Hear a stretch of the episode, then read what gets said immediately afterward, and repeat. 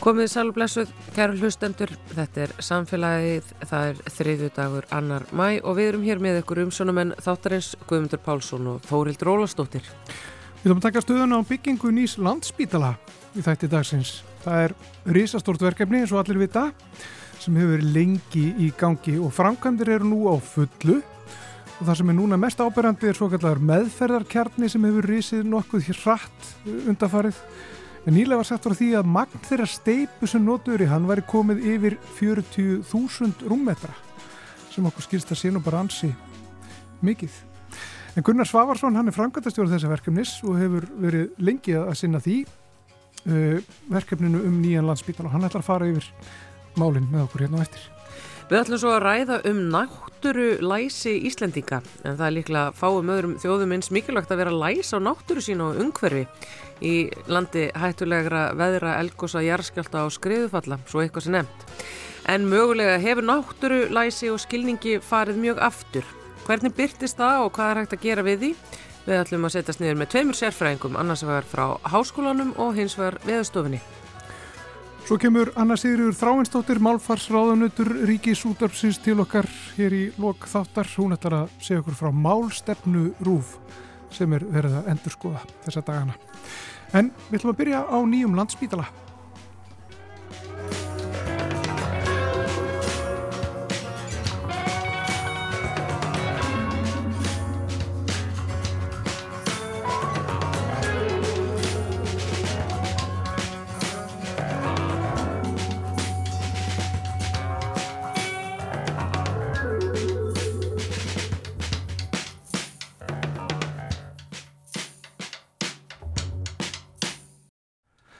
Þá er það sestur hérna hjá okkur Gunnar Svavarsson, hann er framkvæmdastjóri Nýs landsbítala, verður velkominn til okkar. Takk fyrir það, gaman að vera með ykkur.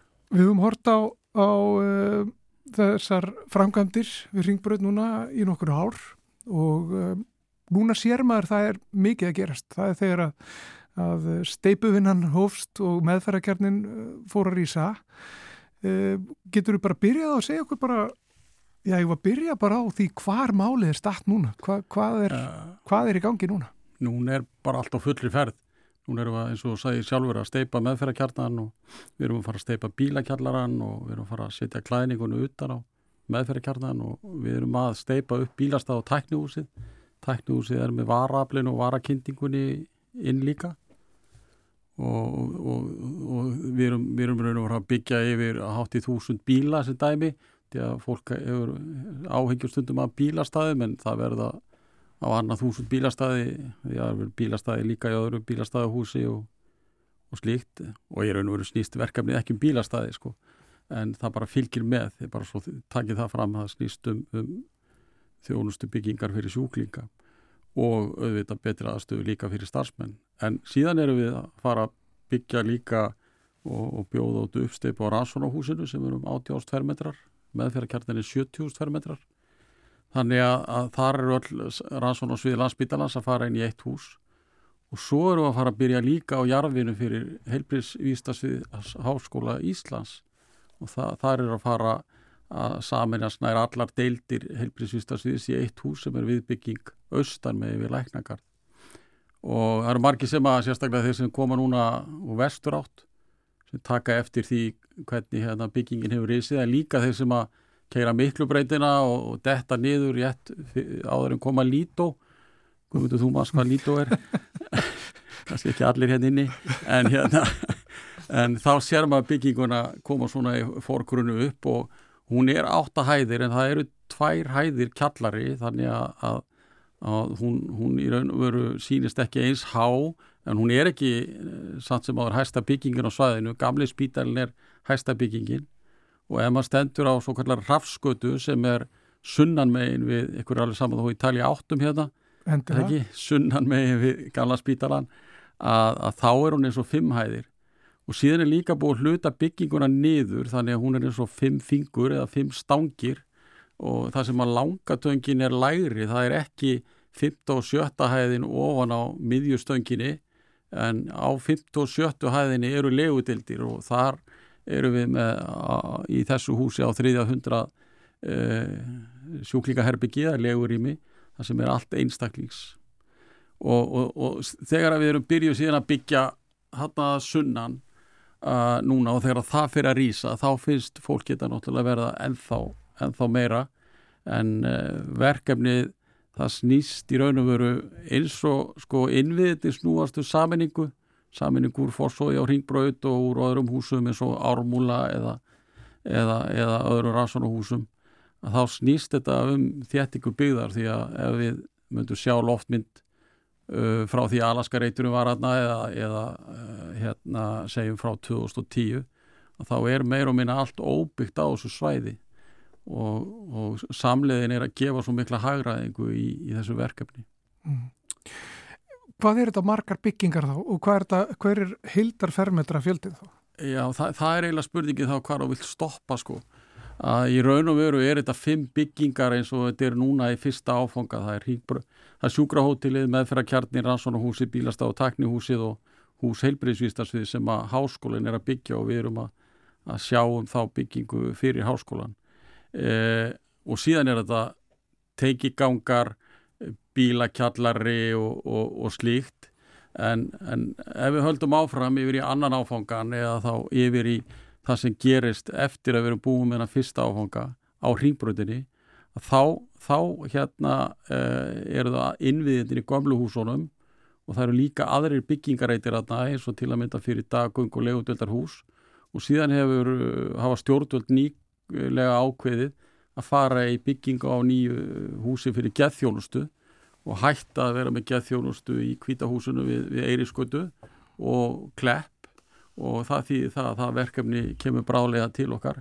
Við erum síðan með hérna, uh, nýtt verkefni sem við byrjuðum á fyrir rúmu árið síðan eða tæpu árið síðan, það er hérna bara hinum einn við okkur, það er Grelsás, það er fjóðust fermetra verkefni og þar eru að fara að byrja að grafa vonandi haust á 50 ára ammali Grelsásstildar núna í síðustu viku og, og þar leðandi verður það hús glæsileg viðbót við endurhæfingar þjónustu uh, á, á Íslandi e, og, og í, í hæsta gæðaflokki e, og síðan var verið að byggja okkur fyrir helgina þetta félag nýri landsbítali að taka uppbyggingu í samstarfi sjúgróðs og akkur er að búa að breyta skipulæginu þar þannig að við erum að fara að nýta okkur alla þá þekkingu sem við búið til við ringbröytina og byggt upp það félag til þess að fara, fara og vinna með þeim fyrir norðana að byggja þar upp legudildar rými Já. og nýtti raun og veru nýja byggingu í þann spítala e, massa sem er þar. Já. Þetta verið lengi í vinslu, þetta verkefni. Eh, hvað hefur þú lengi verið viðriðin þetta? Ég, ég, vá, ég er búin að vera hérna í hvað, sjö mínútur? nei, nei, þetta, er, þetta var svona, e, hérna skal ég segja, er, ég var að reyna að reikna bara, var að vinna með tíma. Heru, ég er búin að vera frá 2009 og, og hérna samfleitt þannig að, að í hvað í haust þá er ég búin að vera í, í 14 ár. Og ég var að rifja hérna upp fyrir þáttina að fyrst til ég kom hérna í útvarpið að þá, þá hérna uh, var aðal umræðan, hún var um staðsetningu þá var búið að fara í, í þrjár staðsetningar umræður og, og það voru mjög umdeldar skoðinur og ég var alltaf að reyna að loka málinu þannig að segja að það er ekki óeilegt að það séu umdeldar skoðinir í stórum málum eins og Káranhjúkum, Perlunni, Ráþursunni, Reykjavík, Tjótt, Kvalfjöragöngum og, og jafnvel stækkunni á Alverðin Ströðsvík og slíkt og þá var hérna uh, út á skona sem við þekkjum og þá sáum Gunnar segðu bara alltaf þegar að þú ert að hérna, taka þessa umræðu eftir þáttin og tipsa þessu svona segðu bara alltaf að umdelt umræða við stórum hlutum uh, hún sé eins og haustlítinir fólki finnst bara haustlítinir að vera mismunandi fallegir. Já. og ég er búin að nota þetta núna í hvað, einhver 10-12 ár og alltaf þegar ég nota þetta þá bara hættir umræðan þá bara segja já, já, já, ég skil þetta. Já. Og það er verið, þannig í þessu að, Þetta verður klár út af skona sem þú Já, já, hún sittur við hlýðina þér. Hún bara gæti gefið út heila bókun svona kótiringar. Þetta er, þetta er, þetta er langu tími og þetta er rísa stórt verkefni um, Af hverju tekur þetta svona ábúslega langan tíma? Uh, það er sko eins og Það er alltaf miklu lengra síðan að menn byrja að tala um að þetta byggja henni á spítala. Já, það byrjaði um aldamótin. Mm. E, við saminningu spítalinn og höfuborgarsæðinu og, og hérna e, ég hef stundur sagt til að skilja verkefnið upp á ringbröð þá, þá þarf engan geimvistamann í það eða, eða e, slíkt, þetta eru bara nokkur hús svo tengingar á milli og einhver bílastæði og, og, og slíkt.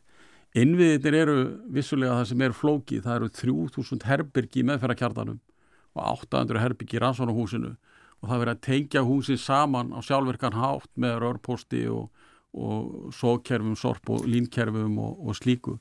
Uh, og það er það sem tekur langan tíma. Við höfum líka farið þá leið sem að mörg skandinavisku löndin hafa farið. Það er að, að vera með nótendastund og hönnun. Þá koma klínisku aðilarnir og það eru hundruður klíniskara aðila búin að taka þátt í þessu. Og þá hellum við þeirra þekkingu við þekkinguna hjá arkitektónum og verkfræðingunum. Og það að beita nótendastuttur í hönnun, það er tímafregt en síðan er bara tímafregt í flækjustígi að hafa, hafa hérna e, svona stór hús undir. Já, svo kostar þetta mjög mikið? Já, við erum að tala um sko í hundruðu miljardar og svo áallum sem ríkistjónin var að, var að kynna núna fyrir páska eða fyrir sumadagin fyrsta að það var áallum til lengri tíma sem að var upp á 210 miljardar og sumt af þessu er inn í núverandi fjármála áallun en, en annað ekki en e, vissulega kostar, kostar þetta mikla peninga því að, að, að fermetra kosta mikla peninga í dag. Það er bara þannig. Og það sem við erum að takast á í áallunni gerðinni er eins og allir bara, það er þessar áskorunni varandi breytingar og gengi og, og, og byggingavísitölu út af því að samlingarnir okkar sem eru jafnvel upp á 10 miljardar þeir eru vístöltriðir og, og það fer ímislegt að stað þegar vístöluna breytast. Ó. Hver hefur verið stærsta áskorunin í þessari miklu vinnu? Uh, það er svo margt sem er stór á, áskorun og áhættu stíið og áhættu matið er svo mikið en, en það er kannski sko, hægt að líka segja frá því að framanna var það kannski svona ná bara takti og samheldni sem var mjög góð á þingi og ég er búin að vinna með einum sjö ráþeirum uh, í þessu og hérna og náttúrulega kannski þá sjö ríkistjórnum og það hefur alltaf verið fullur stuðningur við verkið svona þær pólitísku stuðningur og, og það má kannski segja að eina stóra áskorunum er það bara að finna það að þjóðin er á bakvið þetta og, og það sem að, að er núna í allir fjölmjöla hjá okkur það er ekki eitthvað sem var fyrir þetta 15 árum staðarvalið að slíkt, það er bara, það er bara að vera að býða, er þetta ekki að vera tilbúið og, og ég loka alltaf öllu á því að segja jújú jú, þetta er að vera tilbúið en við skulum ekki gleyma því að lífið er kjærleikur Hvenar, e, hver er svona, hva, hver er dagsetningin þegar að, Dagsi... þú, þegar að þú bara lítur yfir þetta verk og hugsa bara, heyrðu, já. þetta er bara eiginlega að smelta og þetta er bara komið. Já, Við ætlum að fara hérna að klippa að borða hérna eftir, hvernig verður það? Takk fyrir, Guðmundur. Landsbítalinn eru auðvitað svona hús sem að margir fæðast í eða sem sagt einhverju byggingum og jafnvel degja í. Þannig að, að, að það likur eiginlega fyrir öllum eh, hugsanlega að koma við á landsbítalannum og við erum núna að stefna því að, að 2027 sé árið sem að þessum framkvæmta tíma er lokið og þá byrjar yfirfæslu tíminn og þetta eru að fara að vinna með erlendu sérfræðingum. Bara hvernig er fært yfir á milli bygginga, það er heilmikið fræði pæling í því? Mm -hmm. og margir sem hafa gefið svo út fyrir það. Það er ekki kannski eins og, eins og bara einhverju flytja sko og milli íbúðum helgi. Að þetta þarf þar langan uh, svona upptakt og hvað á að flytja fyrst og hvað svo og, og hérna þannig að 28-29 þá ætti starfseminn að vera komin í, í fúlt sving í hérna niður frá rannsónuhúsið fyrst og náttúrulega bílastæðahúsið á undan því, háskólinn ætlar að vera komin á undan en það er vonandi að þessi, þessi hús saman geti og þá kannski verðum við byrjuð á, á segjum nýju geðþjónustu húsi eða gungudeldar húsi það fyrir allt eftir í hvað er ákveðið af stjórnvöldum og þarna niður frá eða, eða annars þar. Við erum að fara í stórt endumannsverkefni á þeim byggingareitum sem eru eftir og eldra húsnaðinu og það verður byrjað að vinna í því, núna er í raun og verður byrjað að vinna í því og því líkur á, á þessu ári. Ó. Svo eru þið núna farin að huga aðdaldið er það ekki umkörðinu og svona, já, það er verið að hugsa um listaverk og myndlist og og svona þetta að það sé Já. Þar sem menningunni sé gerir skil hérna líka. Gott, þú minnist á það, Guðmundur, því að þú ert svo mikill svona listakúru sjálfur, landstæktur tónlistamæður og hérna það er nefnilega þannig að, við eigum samkvæmt myndlistar lögum að nota ákveðna fjárhæðir e, í listaverk eða listsköpun. Og við erum að fara að keira út núna samkeppni í samstarfi samband íslenska myndlistamanna e, þar sem við erum að óska eftir því að aðilar komi að og leggji til hugmyndir til að mynda að útfæslu á sólegartorkinu sem er torkið ón á bílakjallarinn fyrir framar gamla spítalan við hliðin á nýbyggingunni og andirinn á nýbyggingunni. Og, og, og þessir fjármunir allir eins og við notuðum í sjúkrahótelunum þá var þetta notað á, á klæðninguna. Finnbói Pétursson hannaði það og við erum kannski að horfa á þannig hluti líka í, í húsónum eða innviðum húsana og við erum að fara að keira út nokkrar samkeppnir og, og þetta er raun og veru, eh, ég má segja, stæsta áskorun fyrir, fyrir myndlistar menn að taka þátt í þessu og, og auðvita vera þeirra aðeila sem bera sigur úr bítum og fá að þróa þetta með okkur og þetta, þetta er ekki svo mikið gert að þessu hér á landi að leifa uh, myndlistamönnum að vera með strax frá upphafi í þessu. Mm. Og þetta er stórt, stórt verkefni sko, það eru öll verkefni að það eru stór. það er ekkert er ekkert, æg við þurfum að redda hérna þessu eina hérna, það er líka stórt, það er allt stórt já, eins og sem ekki.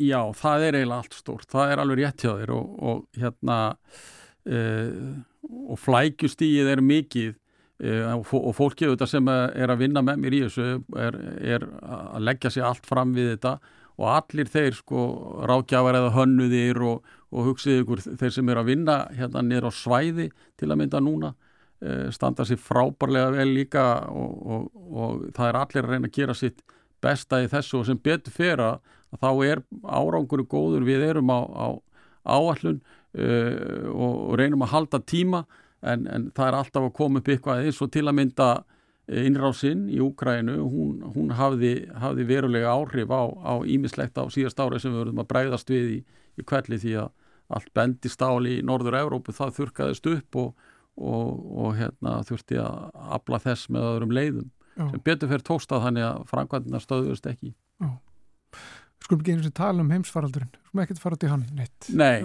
áhrif hans. Nei.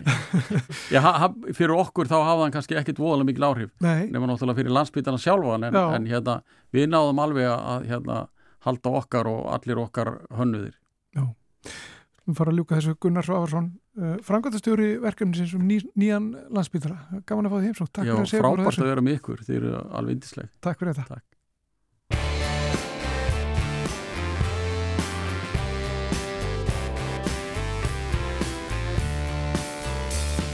Íslapp á etra degi ringir bjallan þinn. Augun blasir gangurinn bein En það er sama hvað ég reynir þú kemst fram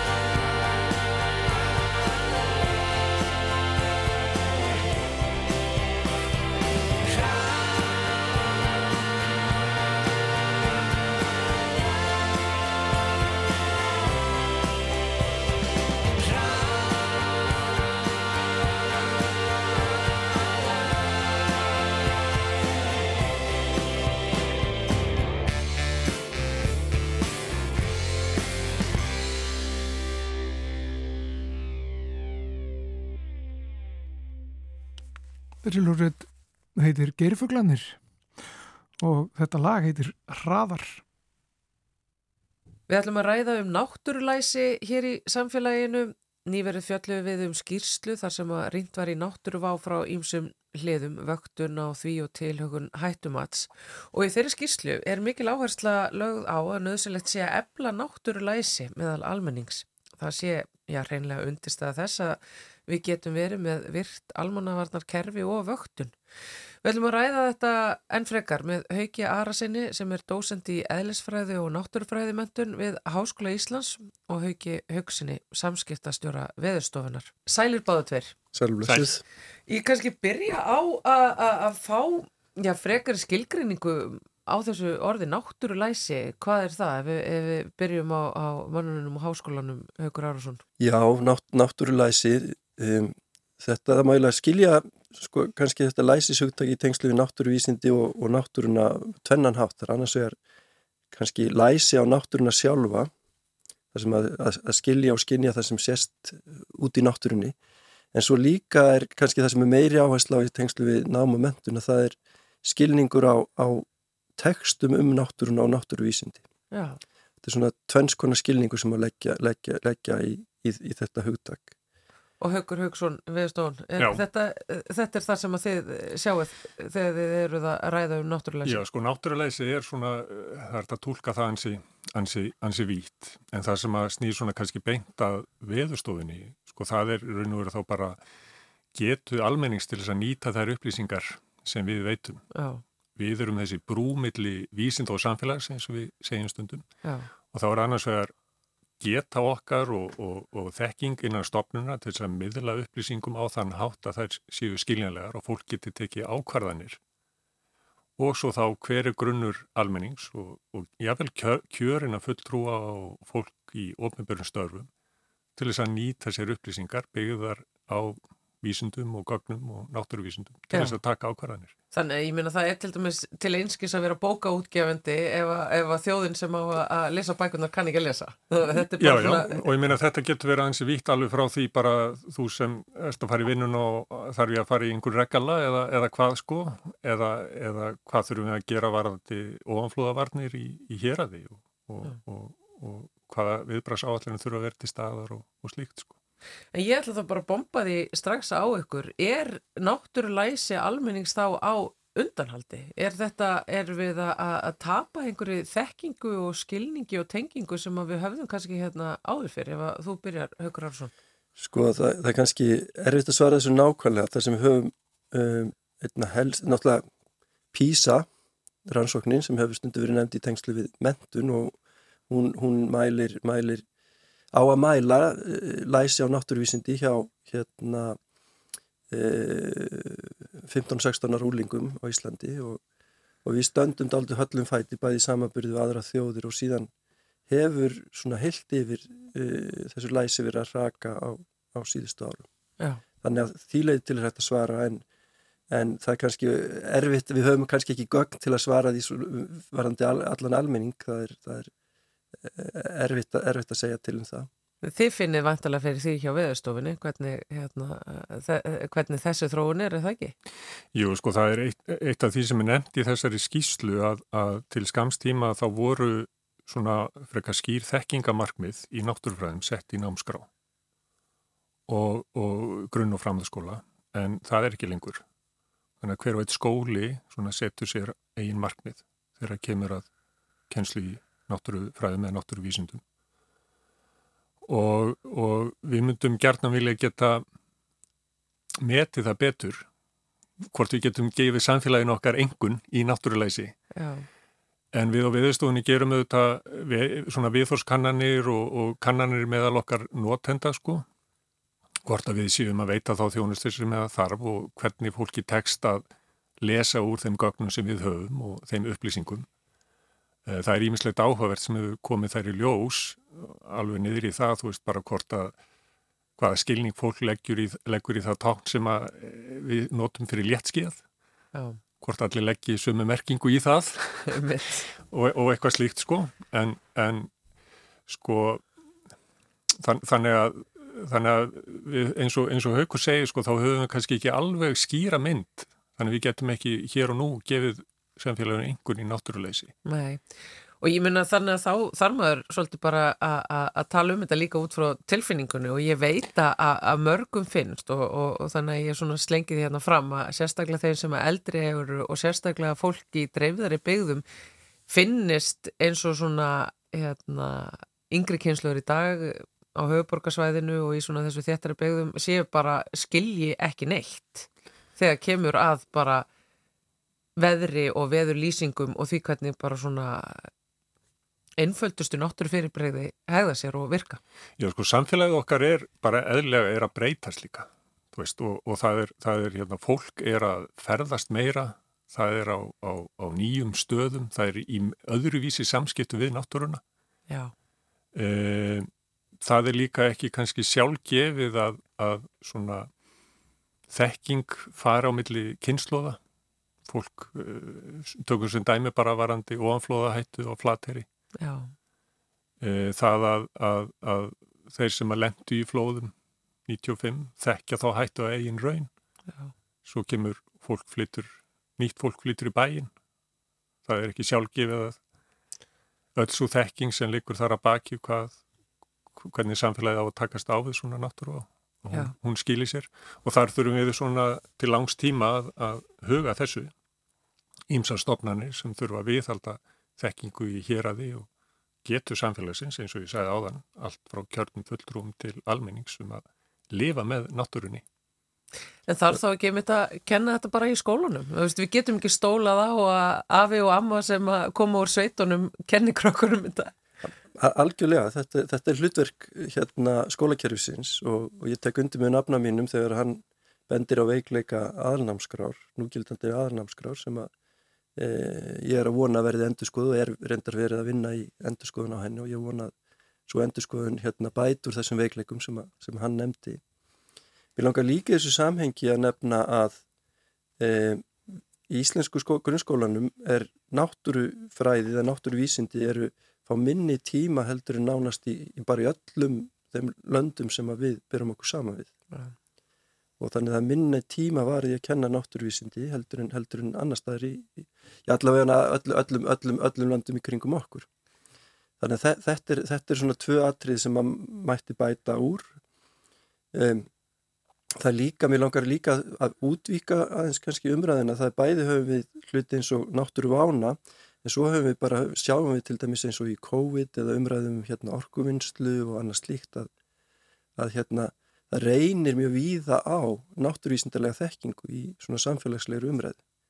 Og það er eitt af markmiðunum með áherslu á e, læsi á náttúrvísindi og, læ, og náttúrulæsi að er að ebla þá börnin og úlingarna og tilvonandi almenning og þá erum við að tala um eins og stjórnmálamenn og og, og, fjölmiðlafólk og, þá sem bara hafa áhrif á samfélagslega umræð og almenning allan, það er nöðsynlegt að allir, allir hafi ákveðna grundvallar þekkingu.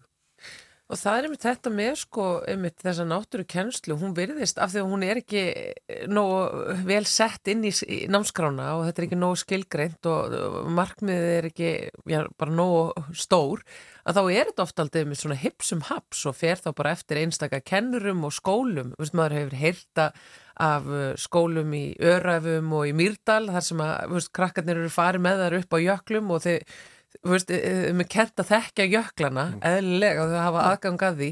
En það fyrir bara svolítið eftir bara hvað kennar er á vakt og, og veist, því að það er kannski ekkert verið að gera það í, í hinum skólunum sem eru þarna svæðinu.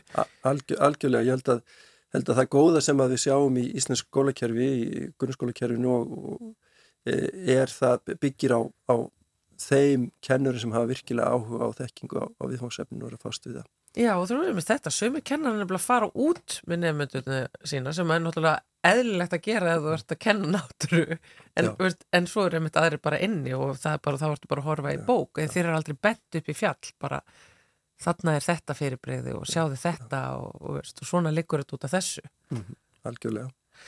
Sko, ég, ég, er alveg svolítið með það á heilanum, sko, hvernig þetta hefur breyst í gegnum tíðina, af því að þegar við vorum hérna áður fyrr, það var, veist, eh, voru meira bændasamfélag, þá einhvern veginn vissi fólk bara hérna hvenar áttu að taka inn heia því að það sá ákveðin ský við sjónaröndina eða ef þetta var svona upp við þetta fjall eða veist, hreinlega bara leik, eh, hvernig lækurinn ef hann var brúnleitur eða ekki sko, fólk gæti lesið bara umhverju sitt eins og opna bók.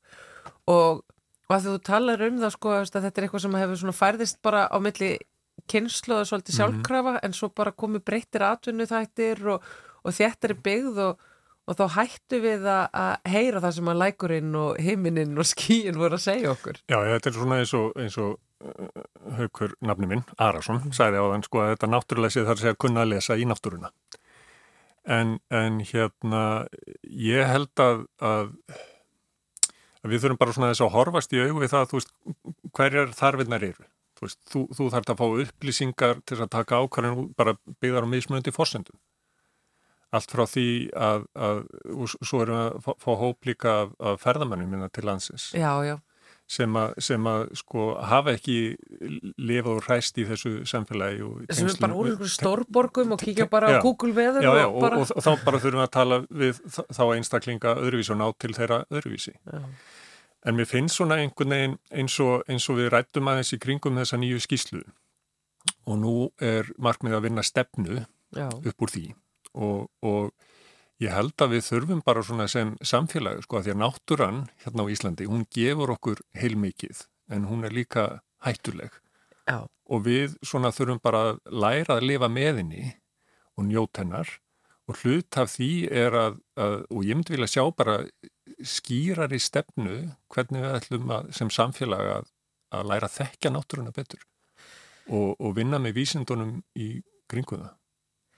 En er þá kannski ein leið til þess hugur, mm -hmm. ásand því þá að ebla hérna eh, kennsluna í skólunum að kannski einfalda svolítið mikið skilabóðin og það sem við erum að kenna í, af því að það er kannski bara einfallega Já. þörf á því sko vissulega er alltaf náttúrulega nöðsynlegt að þegar maður er að vera að vinna með þá sem ekki þeir vinna með ákveðna grundvallar þekkingu og, og ákveðna einfaldanir. Um, og það þarf að velja það þarf að auðvitað að velja hvað, hvaða viðfangsefni vera að fást við, hvað er það sem skiptir máli og ákveðn hátt á að nálgast það. En það er nú reyndar við erum kannski komin að sko uh, aðeins öð, öðru atrið þetta, er, þetta, er, þetta tengist því að þessi áhersla á læsi uh, í tengslu við náttúruvísindi 20-30 ára svona, sem fólk voru að veita aðtikli því að tungumál og notkun þess skiptir mjög miklu máli í tengslu við það að læra um náttúruvísindi um, og reynda fleiri hluti en, en, en, en það eru sérstök atrið sem tengjast náttúruvísindum. Og eitt af því sem var reynd í upphæfi var það að fólk veldi fyrir sér að tekstar í kennslubókum og svo framvegst það veri bara, það þyrfti að einfalda þá, það væri, væri, væri, væri leiðin. Vandamáli við þá leið er það að þá, þá öðlast þessum nefnendur síður svona dýpri skilning á tungumálunu Já, í tengslu við náttúruvísindi. Þannig að það er svolítið hættuleg, hættulegt að alltaf einfaldum of. Og hérna þannig að það, það, ég held að það sé ekki, ekki endilega lausnin en, en einföld skilabóð og skýr eru vissulega mikilvæg og það þarf að byrja á grundvallaratriðum og, og gera þar einfaldanir eh, vissulega en ekki einfaldum of. Það, er, það getur getur hérna uh, komið aftan að manni. Þetta er einhver svona fín lína, ég Já, meina, tekist á eftir viðstofunni Já, já, ég meina þetta, þetta er nú eins og í eldgóðsinn í Faradalsfjalli, sko, þú veist, það er alls konar hugtök sem við notum, sko, hérna aflögun og gikkskjáltar og, og ímislegt, og sko. almenningur er bara, já, geti farið þarna Já, ekki? sko, en, en það er akkurat, það, það getur verið snúið að finna þetta jafnvegi og þú veist, hvað, ætlaru að, ætlaru að nota þetta orð og kenna fólki hvað það þýðir? Eða ætlaru að dansa eitthvað í kringu það og, og við auðvitað reyndum svona af og til, sko, þegar einmitt þetta, þegar við komum gikkskjáltar, þá settum við bara út fæslu, hvað eru gikkskjáltar og, og, og annað og, og það var nú kannski, ég veit ekki hvort að þessi sambarilegt sko eins og þegar við vorum í hruninu, þú veist, þá fór fólk að tala um alls konar hluti sem það ekki þekkt áður, Jú, jú, Af, já. afleiðu viðskipti Já, já. og þú veist, þjóðin var ansi, ansi svona læs á ímislegt tengt fjármálum sem við vorum ekki. dæmi. COVID er annað Já, dæmi, þannig að það er bara, þe- þetta er bara ákveðin, svona ákveði jafnvægi og, og það er engin, það er engin ein gullin regla í þessu. Ég held að líkillin sé bara við búum á landi þar sem að náttúrun er svo nálagt, nálagt okkur. Og ég myndi gerna vilja, sko, þú veist, hún á að kveikja áhuga fólks á á viðfangsefninu En þá er mitt ættu við að skilja hvað léttski að þýðir í álfurði, er það ekki? Já, já, af því sko, tal, þú talar um það áðan og það væri vandabál. já, já sko, hérna, hérna merkið sem við notum fyrir léttskið Já, sko, þetta er nú auðvitað kannski líka bara svona hérna, já, og ég meina við erum ákvæmna skilgreiningu hvað þýðir léttskið og svo fer fólk út og segja, já, er léttskið eða ekki, já, ég veit það ekki. En svo kannski skiptir ekki málið, þú veist, af því að þú ert bara alltaf að taka ákvarðanir út frá því. Já, já. En ég, ég vil hins vegar sko vera skýr með það að, að hérna, stopnarnir eins og veðustofan uh, við, viljum, við viljum ekki sko velta ábyrðinni algjörlega á mentakerfið sko. Við, við þurfum að taka ábyrð á því að, að almenningur og þeir sem við vinnum með og erum að þjónusta skilja okkur já. og við þurfum bara að mæta fólki á óleikan hátt eftir í hver þeirra bakgrunnur er en það, það væri vissulega uh, mikilvægt að hafa svona ákveðin grunn og hann byrjar í mentakerfinu Já, já. hjá krökkunum okkar og þetta er, og aftur, og þá, þá, þá er tækjafærið, sko, þú veist, við búum í þessu landi, hér tölum við um að jöklar landsins séu lifandi kennslustofa í áhrifum loslagsbreytinga og það er ímislegt sem við höfum aðganga að á auðveldan hátt sem aðra þjóðir hafa ekki. Þannig að það væri óskandi að sjá svona að ebla þennan heim í kringum náttúruvísindi. Ég meina við erum með mjög öflugan sjávarútveg. Þar hefur byggst upp sérþekking og, og mikil verðmæti í því að nýta þessa auðlind og að því að við erum, við, þetta bara skiptur okkur máli Já. og eiga þá ekki náttúruvísindi að því að það er allt þetta að gerast í náttúrunni, Já, jákvætt og neikvætt, eigum við þá ekki bara styrkja þann grunn og verða bara virkilega góð í því sem samfélag. Það er allan að dauða færi, sko, bara út af því hvernig þetta landið mitt er. Það er svo mikið víst. Ég var að takast á við það hérna með hópi ungs fólks fyrir skemmstu sem að voru að, að fara í tjaldútilegu og þau hérna skildi ekki við fréttinnar en voru ekki alveg viss hvernig þau átt að lesa þetta sko, lesa í þetta og eru að spyrja, verður rigning? Og ég segi, þannig líka sko að þannig er náttúrulega komið, þetta er Ísland það er, það er, það, það er ekki spáð en, þú veist, en það gæti hins vegar orðið að því að skíaspáin og nágrennið og, og vindáttin liggur þannig á þessu svæði og þau voru bara, já en verður rigning Mm. Og, og ég, Já, það, já, það, þarna- þarna er bara já, já, er þarna- ómögulegt já, já, einhvern veginn að segja, þau eru bara í ef maður fyrir að Google veður og er í London að þá bara Já, já. segir bara kerfið manni hvort ég þarf að taka Mm. hérna, regli með mér eða ekki. Já, já, við, við ræðum þetta auðvitað heilmikið, ég minna það eru nokkrar veður þjónustu sem að byrta prósendu, líkundin á því að eitthvað gerist, já, já, það hjálpar. Þetta er alltaf spá og þetta er svona, þetta er dálítið snúið svona þetta er það sem ég kalla svona væntingastjórnun og hluti af náttúruleysinu er að vita þessu óvissu og við höfum gert svona pínu könnun á þessi muni nákvæmlega niðurstöðuna bara, veist, þar sem við spurðum almenning hversu auðvelt teljið þið að sé að spá fyrir um jarskjálta eða veður. Bara til þess að átt og gráði sko hvað væntingar gerir fólk til getu vísindana já, til þess að segja til um eitthvað. Og þetta, þetta er alltaf mikið atrið vegna þess að við byggjum mikið á því að þessi búið tröst til okkar, þannig að þessi á okkur hlustað og fólk þarf að bera tröst til okkar að því við erum að segja eitthvað mikilvægt, eitthvað sem hefur mi- mikil áhrif á þeirra líf. Og um leið og þú skilur ekki kannski hvað þú ert að segja eða þér finnst við ekki geta uppfyllt þína þarfir eins og þetta, eru segðu mig bara hvort að verði rigning eða ekki, þá rýrnar tröst okkar með fljótt og þess vegna þurfum við sem stopnum að taka alltaf ríka ábyrð á því, ok, ef að þetta er bara spurningin og fólk ætlast til þess að við getum svara með já eða nei, þá þurfum við einhvern veginn að tækla það og fara að tala um býtunni á óvissuna og allt þetta, þetta er bara spá og, og eitthvað slíkt. En, en fyrir ekki bara svo ég bæti einu við, að því að þú ert að spyrja um að fara í tjaldútilögu, sko, það sem að við til dæmis erum að velta fyrir okkur og, og, og ég er mjög spennt, spenntum fyrir því að því nú erum að fara að setja nýjan vefiloftu fyrir veðstúðuna já, alveg rétt. Og þá erum við að velta fyrir okkur sko hvaða möguleikar eru í, í nýju tækninni þá getum við til dæmis tekið eitt dæmi. Þú ætlar að slá og ég ætla að fá veðurspána fyrir þórsmörk. Og þú ætlar auðvitað að velja þér þá helgið þessum er mikil sól og hiti en þá myndum við vilja benda þér á að þá er mikið í ánum. Einmitt. það er þessi tenging sko að því að, að, því að svona þegar við kemur að náttúruleysi við þurfum ekki endilega að muna heilmikið eða eitthvað, það er getan okkar til þess að vinna úr þeim upplýsingu sem við nálgumst og til þess að taka réttar ákvarðanir og þá blanda saman tveimur ólíkum þáttum. Þessi nafnum minn var að koma inn á hérna sem að, ég held að sé gríðarlega mikilvægt og er raunar veikleiki held ég í eh, okkar mentun, eða mentakerfi, hvað var þar kænslum náttúrvísindi og ekki bara okkar heldur reyndar við annar staðar. Og það er að auka skilning þá uh, barn og úlinga á eðli vísinda. Já. Og maður sá þetta svo glögt í bæði í sambandi við eldgósin sem hafa verið en líka ennþá frekar í sambandi við hérna COVID að, að það, er, það, það vantar gríðarlega upp á skilning á eðli vísinda hvers, hvers þau eru megnu en líka eh, að skilja til dæmis óvissur mm -hmm. að það er ekki hægt að svara öllum spurningum nákvæmlega Já. og hvernig vísindi þróast og hvernig vísindaleg þekking verður til og þróast og þetta er atrið sem ég hef daldinn áhuga á en, en eh, að sé, sé synd meira en er, hefur mjög lítið verið synd í okkar mentakerfi og og reyndar ég held að þar séum við ekkit, ekkit rosalega ólík mörgum öðrum mentakjör. Já, og kannski einmitt þetta að líka kannski þarf að kenna bara auðmygt fyrir náttúrunni og að, að þú mynd aldrei auðlast alveg fullan skilning eða fyrirsjáleika með hana og mm -hmm. hún er mm -hmm. ólíkjönda tól og við minna sérstaklega núna í umhverfsbreytingum og eins og, og seðfyringar þekkja þar sem að hérna, hefur mælst ágættis náttúrulæsi meðal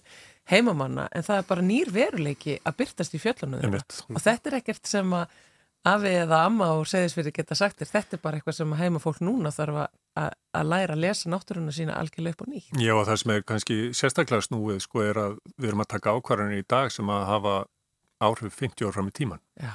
Þetta er ekki bara það að ég ætla að fara í stígulum að því að það er rigning á morgun sko. Heldur við skulum ekki byggja hér vegna þess að það er sjáastöðu hækkurinn er svona og svona. Já. Þannig að skalin, skalin í þessu er ansi, ansi stór. Þó að vísindin séu frábæra þá getum við heldur ekki vitað allt. Mjög gaman að ræða þetta. Eh, náttúru læsi, þlárlega eitthvað sem við þurfum að fara að spýta í lofuna með það er bæði fyrir tjaldútilegur ungmennun okkar og síðan náttúrulega bara fyrir stefnumótun okkar til allrar framtíðar. Takk hjálpa fyrir að koma yngar til okkar í samfélagið. Haugur Haugsson, samskiptastjóri viðstofunar og Haugur Arásson, dósend í eðlisfræði og náttúrufræðimentun við Háskóla Íslands. Takk fyrir.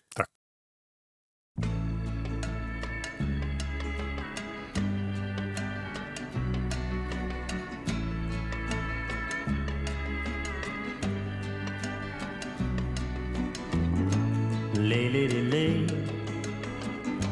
lay across my big brass bed.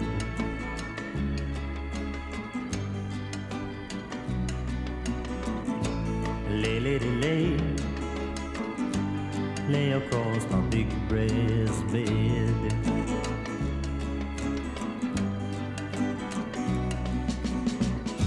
Whatever colors you have in your mind I'll show them to you and you'll see them shine. Lay, lady, lay, lay across my big brass bed.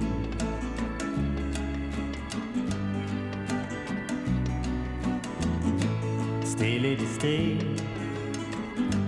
stay with your man a while.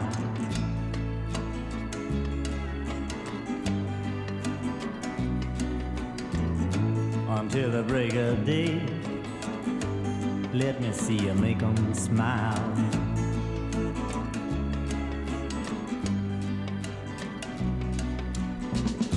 His clothes are dirty, but his his hands are clean. And you're the best thing that he's ever seen. Stay, lady, stay. Stay with your man a while.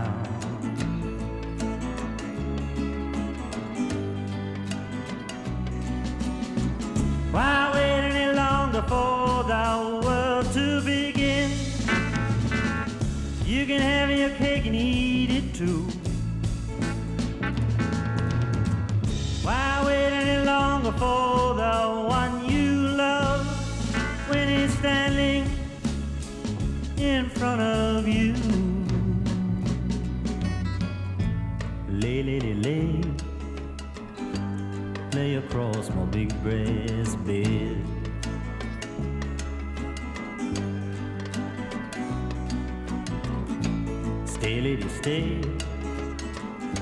stay. While the night is still ahead.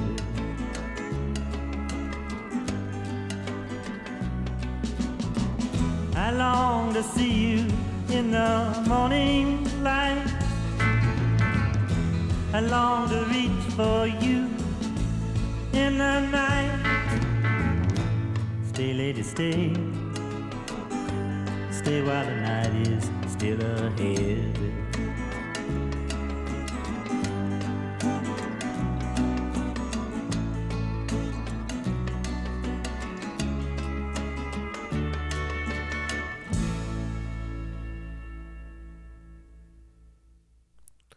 Lei, leiri, lei, Bob Dylan að sjálfsögðu þarna á ferðinni. En hún er sest hjá okkur Anna Sigurður Þráinsdóttir. Hún er málfarsráðunötur Ríkisútvarsins, verður velkomin til okkar. Takk fyrir. Okkur langaði aðeins að tala við þig um málstefnu vegna þess að uh, hér er gildi málstefna við þessa stofnun og hún er í endurskoðun og, og það er verið að svona, já, búið sundi það að, að, að afhjúpa nýja málstefnu en það tölvist í það kannski en þá eða hvað, þetta er í vinslu einhverja vikur, já, Já. þetta er í vinslu uh, af hverju er mikilvægt að Ríkisúttarpi setja sér málstefnu og fylgja henni Uh, sko, leiðinlega svarið er að það ber öllum opinbjörn stofnum að setja sér málstefnu samkvæmt, samkvæmt íslenskri málstefnu. En það er mikilvægt að hafa á svo margan hátt að hafa málstefnu vegna þess að fyrsta lagi þá berum við á hvernar skildur gagvart málinu. En í öðru lagi þá bara er málið uh, það sem allt gengur út á hjá ríkisútarfinu, öll tjáning hér, útvarp og sjónvarpi og, og vef og allstæðar uh, er í gegnum mál og tónlist. Og uh, við þurfum einhvern veginn að setja okkur einhverjar svona, já, leggja einhverjar línur um hvernig við förum með þetta mál og, og ekki bara um sko rétt og rámt og gott og vond og vandað og óvandað heldur alls konar álitamál sem koma upp í, í tengslum við mál og málnótkun uh, hvernig uh, erfiðu málinn geta verið, þú veist, hvernig tölum við um um kyn og kynþætti uh, ein, hvaða fornöfni hefur við að nota hvaða or, lýsingarorð hefur við að nota hvernig notum við þau uh, einfaldari álítamál geta verið hvort hefur við að tala um Belarus eða Kvítarúsland mm -hmm. Beijing eða Peking þetta, þannig að það er svo, þetta næringnin yfir allt rófið og snertir svo ótrúlega, ótrúlega marga fleti og, og núna erum við komin þangað að sko, það hafa orðið mjög mikla breytingar á bæði samfélaginu og á fjölmiðlun uh, yfir höfuð. Og málstefna verður einhvern veginn að endur spekla þessa breytingar og taka miða þeim. Þannig að það er við höfum endur skoðað hana með reglulegu millibili en núna held ég að verði bara jafnvel gerðar tölverðar breytingar á henni. Já. einmitt vegna þessara allra þessara breytingar sem er að verða á samfélaginu Hvaða málstefna hefur verið í gildi hér og, og, og hvenar setti Ríkisúttarpi sér fyrst málstefna? Sko það er alltaf gaman að segja frá því að Ríkisúttarpi var e, e, sko eiginlega fyrsta svona opinbera málstefnan sem að, sem að tók gildi á Íslandi. Það var málstefna Ríkisúttarsins og hún var sett 1985. Það eru verða 40 ár bráðum síðan hún var sett. Mm. Þannig að það, já, það er svolítið langt síðan og, og svo málstefna uh, vakti mikla aðtikli á sínum tíma en það var hún bara byrt í blöðum og, og það þarf ekki að hann fara inn á tímarit.is og skrifa inn málstefna ríkisútarsins og þá getur við séð að hún var byrt í lang flestum dagblöðum og tímaritum sem að koma út á þessum tíma.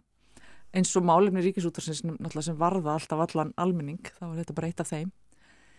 Og uh, það var samt svo ekki fyrir en sko 2010 sem var sett íslensk málstefna Þannig að við vorum búin að vera með málstefnu í 25 ár eða svo þegar það kom, kom íslensk málstefna.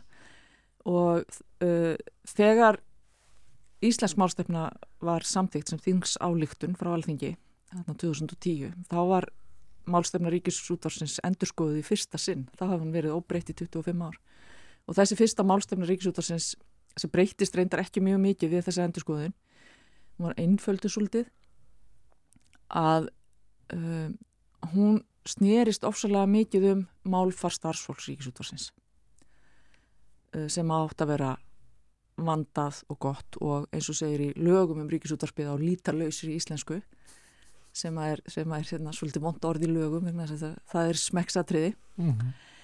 en uh, svo uh, 2018 þá endur skoðum við þessa málstefnu aftur þá hafði hún verið sagt, voru liðin heil átta ár frá því hún hafi verið endur skoðuð sem var ansi langur tími. Og þá var henni breytt tölvist og þá tóku við inn svona aðeins annan vingil á uh, nálgunina í málstefnunni a- áfram áhersla á gott og vanda málfar uh, fræðslu hlutverki sem var reyndar líka í fyrstu, fyrstu málstefnunni. Og þá tóku við inn svona jafnrétti og jafnræði svona ör lítið skref í þá átt pínu lítið skref. Þar sem að við settum inn svona uh, lítinn kapla um það að mismuna ekki fólki í orðræði hvernig tölum við um einmitt þetta, kynþætti? Sko að allir njóti virðingar allir uh, fái uh, uh, svona samdjarna samdjarna, hvað er að segja samdjarna, samdjarnt orðaval um sig.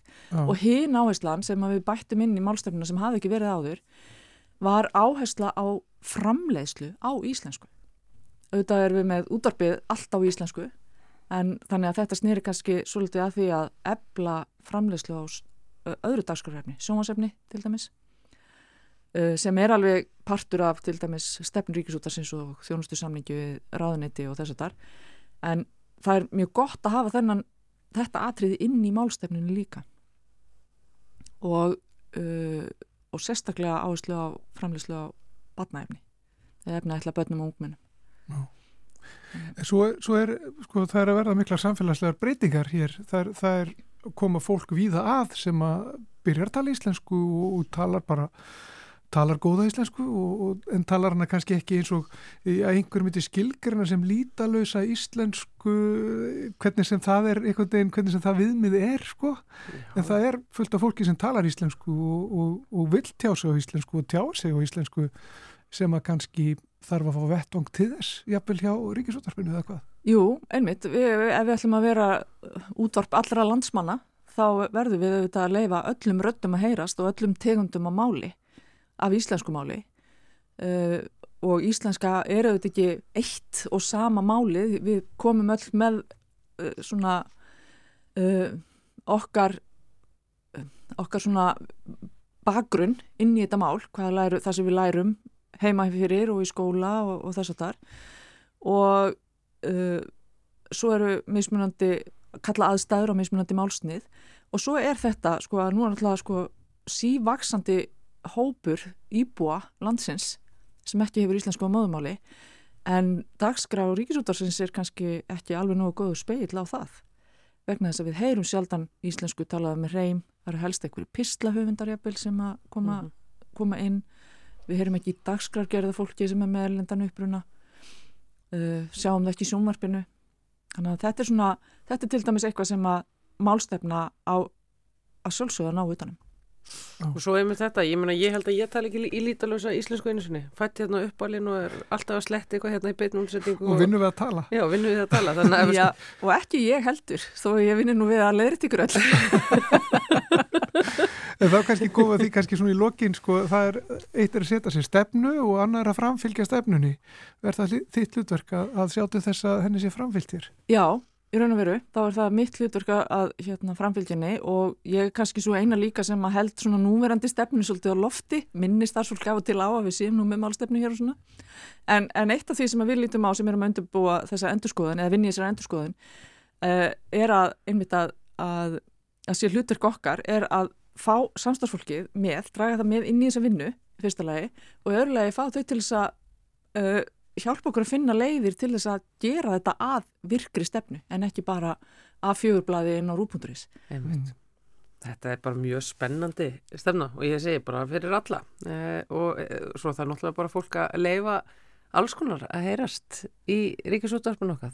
Það er bara þannig, þannig er samfélagið okkar. Já, já, Það er nefnilega alls konar. einmitt og, og svo bara með við ekki gleyma því heldur að, að hver kynslu kemur með sína útgáfu af málinu og við þurfum að leifa öllum útgáfum að heyrast. Já, við viljum endilega að þau líka hlusta á okkur. Já. Það var nú gaman.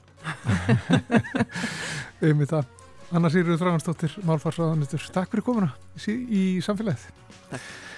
Og með því ljúku við eh, þætti dagsins lengra, lengra verður ekki komist Nei, þessu sinni. Nei, nei, við ætlum nú að koma hérna aftur, bara morgun. Já, við heyrjumst bara þá. Verið sæl.